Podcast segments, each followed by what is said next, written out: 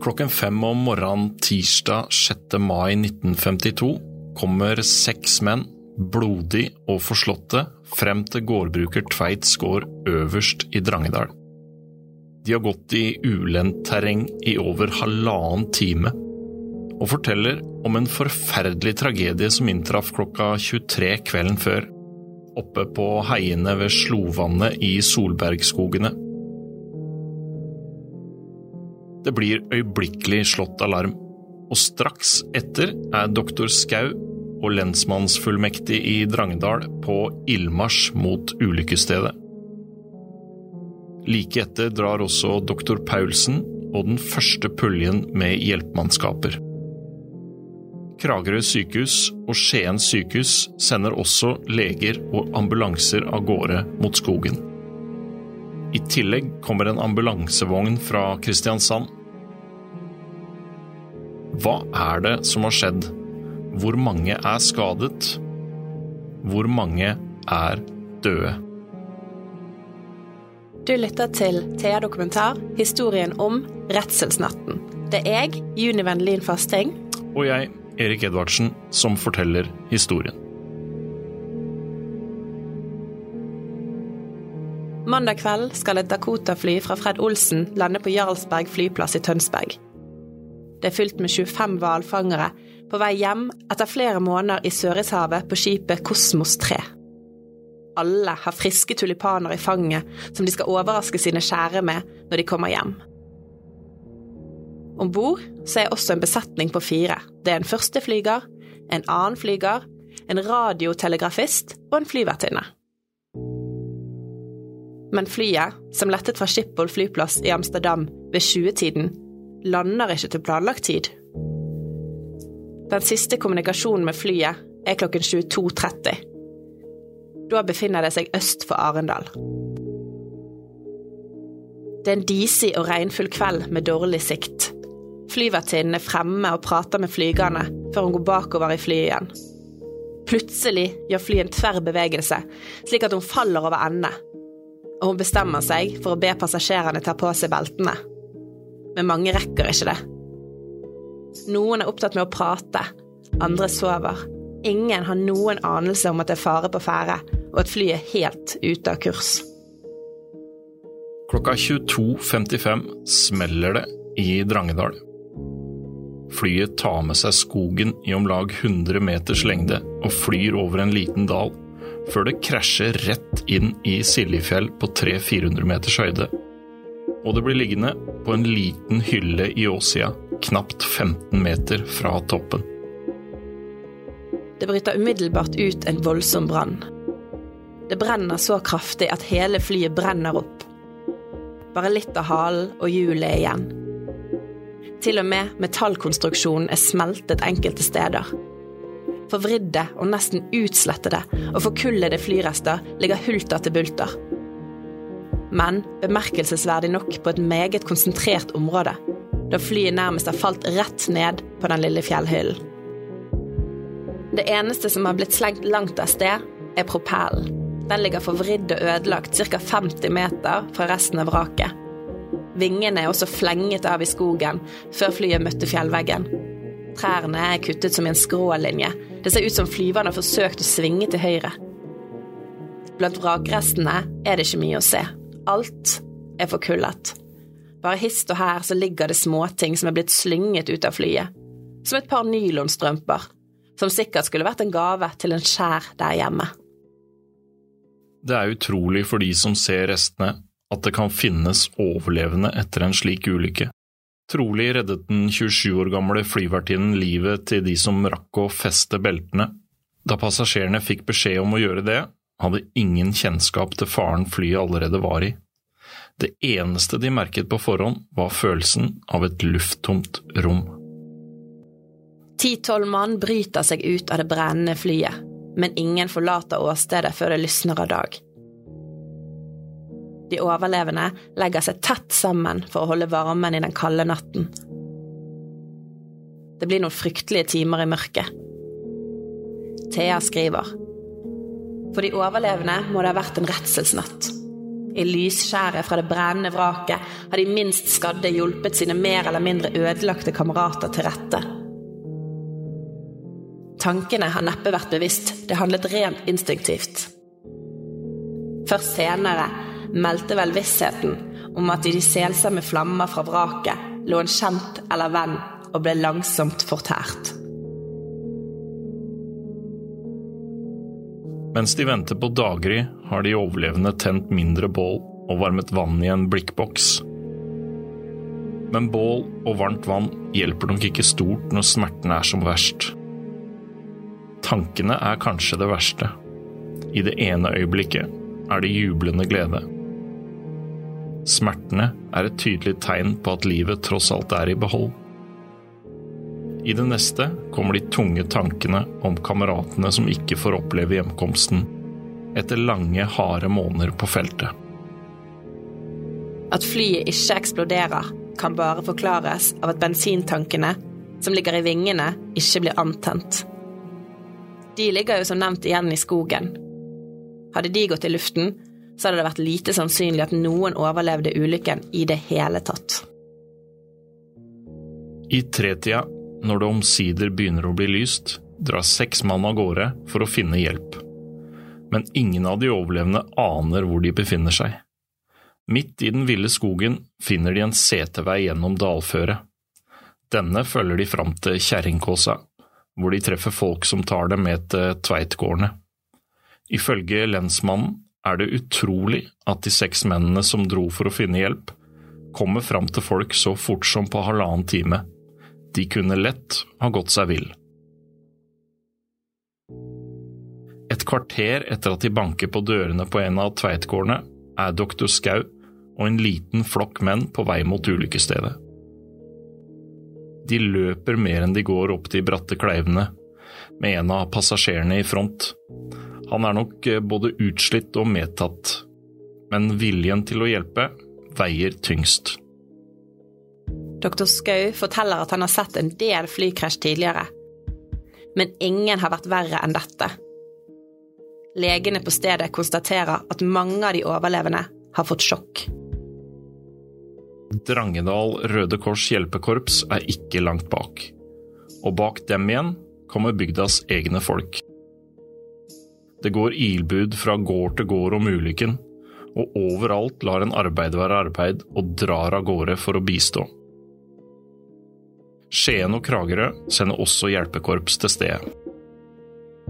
Baktroppen dannes av kvinner, som kommer med store melkespann, kaffe og mat. Melken blir varmet og servert til de overlevende, mens hjelpemannskapene går i gang med redningsarbeidet. Medisinlukten river i nesa på relativt lang avstand, og blir sterkere jo nærmere man kommer ulykkesstedet. All telefontrafikk fra Vestfold og Sørlandet går over Skien. Og gjennom formiddagstimene har Rikstelefonen i Skien en voldsom belastning. Det er svært mange engstelige pårørende som vil vite hvordan det har gått med deres kjære. De får ikke svar før klokken 11 tirsdag formiddag. Og man kan tenke seg de fryktelige timene slekt og nære venner har hatt siden de før midnatt stilte seg opp på Jarlsberg flyplass for å ta imot sine. En hel natt og en formiddag går før tragedien blir kjent i sitt fulle omfang. Det eneste holdepunktet er hvalfangernes beretning tidlig om morgenen, om at de har vært i kontakt med ti-tolv passasjerer som i hvert fall hadde håp om redning. Utpå formiddagen, mens det fortsatt ulmer og gløder i restene til flyet, er det klart at elleve har mistet livet. De blir drept av enten flyvingen som trengte inn i kabinen før den ble revet av, eller av det voldsomme støtet som trykket hele forpartiet sammen. Til sammen har 15 barn mistet pappaene sine. Ni sårede er tatt med for behandling, hvorav de fleste har benbrudd eller skader i ryggen. Mange har òg brannskader. De resterende ni er praktisk talt uskadd. Etter den første behandlingen blir de brakt til seteren Stedalen, som blir omgjort til provisorisk sykestue. Så snart bårene, én etter én, blir flyttet ut på tunet, og det blir bedt om frivillige til å bære, går seks av bygdens menn frem til hver båre. De sier ikke stort. Ord er liksom overflødige nå. De er der for å hjelpe. Og det er en selvfølge at de skal være med på å bære de skadde i godt over en time ned til bilveien, hvor biler kjører de til toget. Terrenget er så krevende at pasientene må bindes fast i bårene. Bærerne må fire seg ned et brått heng som går fra den lille avsatsen i fjellet der flyvraket ligger, til en setersti som er helt bløt av regnværet og nesten ufremkommelig. På Kjosen stasjon står sanitetsvognene klare for å bringe dem videre til Kragerø. Bandasjer og plaster kan ikke skjule gleden over å være i live. Ingen klager over smerter, til tross for kompliserte beinbrudd og brannsår som kunne fått mange til å skrike høyt. De kan ikke skjønne at de har overlevd en så forferdelig ulykke. På toget får de varm melk og te, og det smaker så godt at flere ber om en ny porsjon. Alle de sårede er ivrige etter å få sendt hilsener hjem. Og en ung hvalfarer som reiste fra Amsterdam med flyet før de, går rundt og noterer hvem som skal hilses og hva som skal sies. Han kjenner de alle sammen, og gjensynsgleden er stor. I Kragerø venter ambulanser som bringer pasientene til sykehuset. Seks av de sårede blir liggende i noen dager, men resten blir sendt hjem i løpet av kvelden og natta. Flyvertinnen slipper unna med kun lettere hjernerystelse, i døgnet etter ulykken vil hundrevis komme i kontakt med henne for å takke henne for livene hun reddet, og det strømmer på med blomster og hilsener. Men legene på sykehuset skjermer hun i begynnelsen for både takknemlige overlevende og pårørende. Samt for politiet, som vil stille spørsmål. Samtidig er det krevende arbeid å identifisere de omkomne. Restene etter dem blir samlet sammen og lagt til side, før de sendes til Rettsmedisinsk institutt. En tannlege blir sendt fra Kragerø for å hjelpe til. Minst like krevende er det å finne årsaken til ulykken. De overlevende blir avhørt av politiet, mens mellom seks og åtte eksperter fra Undersøkelseskommisjonen i Oslo er på plass for å bl.a. granske restene av instrumentene. Onsdag 7. mai, to dager etter ulykken, skriver Thea at hendelsesforløpet virker ganske klart. Flyverne må under innflygningen over Sør-Norge ha mistet kursen, og både radio og instrumenter har sannsynligvis sviktet. Da flyet befant seg over Drangedal, nærmere bestemt Solbergrenna, begynte den ene motoren å fuske, og flyet tapte adskillig høyde. Videre har det trolig kommet inn i et lufthull, falt enda en god del meter og så ta tretoppene på den andre siden av dalsøkket, der de gikk mot fjellveggen. Over de deler av Sør-Norge innflyvingen foregikk, var det tåke eller regndys, som må ha nedsatt siktbarheten betraktelig, slik at flyverne faktisk fløy i blinde. For på den tiden ulykken inntraff i Drangedal, skulle flyet normalt ha landet på Jarlsberg flyplass. Det tar ca. en halvtime fra Drangedal til flyplassen. Årsaken til at flyets radioinstrumenter kom ut av funksjon, kan ligge i at flyet har vært berørt av tordenværet folk i Drangedal meget bestemt hevdet at de hørte et stykke unna.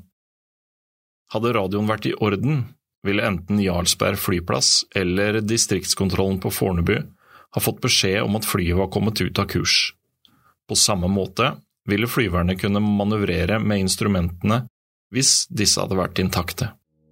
Folk i Solbergrenna hørte tydelig at det ble gjort forsøk på å ruse motoren, men dette mislyktes. I og med at motoren fusket, sank flyet. De overlevende forteller om et dump noen sekunder før flyet krasja, noe som må ha vært et lufthull. Aftenposten intervjuer motormann Jon Holm, som er på flyet sammen med sin sønn. Han forteller. Jeg satt i den fjerde rekka sammen med sønnen min eh, Gunnar. Vi snakka nettopp om hvor deilig det skulle bli å komme hjem, og hvor overraska de skulle bli hjemme når vi hadde hele favnen full av friske tulipaner. Alle guttene hadde forresten tulipaner med seg hjem, eh, da vi merka at det var noe galt med denne motoren. Eh, den hakka og gikk ikke helt som den skulle. Øyeblikket etter så hørte jeg flyvertinnen rope at vi skulle spenne oss fast, men at det ikke var noen grunn til engstelse.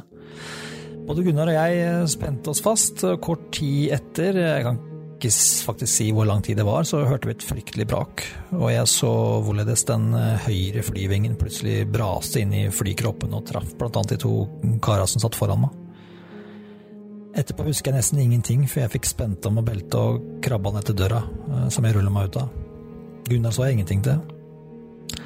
Da jeg var kommet ut av flyet, så rulla jeg nedover en liten skråning, og selv om jeg hadde vondt, så forsøkte jeg å komme meg så langt vekk fra flyvraket som mulig.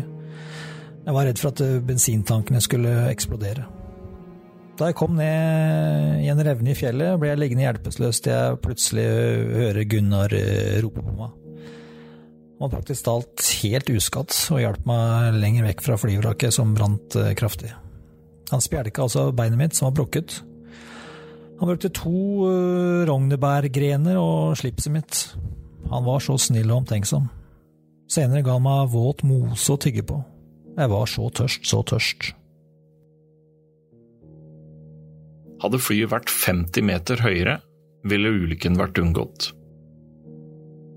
Mens en lokalkjent bastant forteller Thea om flyet var gått bare to meter lavere, ville ikke en eneste av de ombordværende kommet fra det med livet. Da ville det nemlig støtt mot en fjellknaus som nå antagelig bare har revet av den ene vingen, og dermed bremset en god del på farten. Hadde flyet gått inn i denne knausen med full fart, ville det blitt fullstendig knust, og ingen ville vært levnet en sjanse.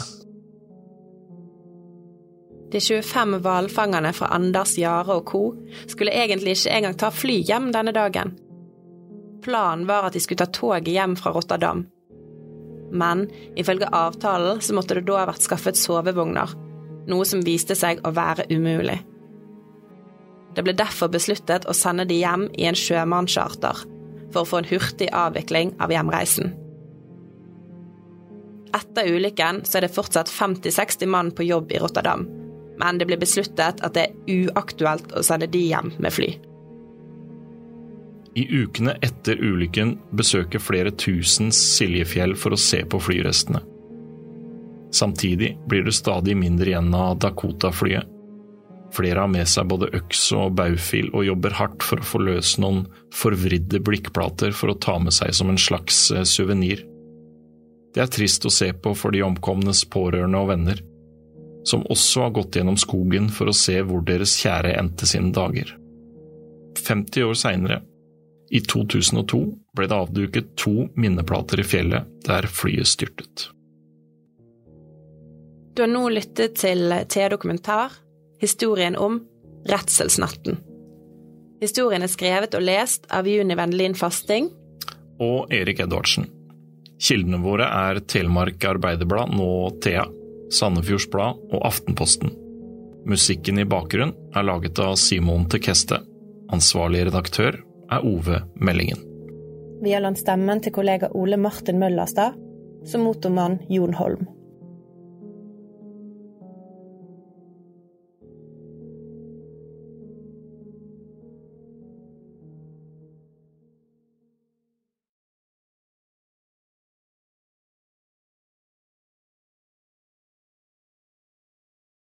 Har du et enkeltpersonforetak eller en liten bedrift?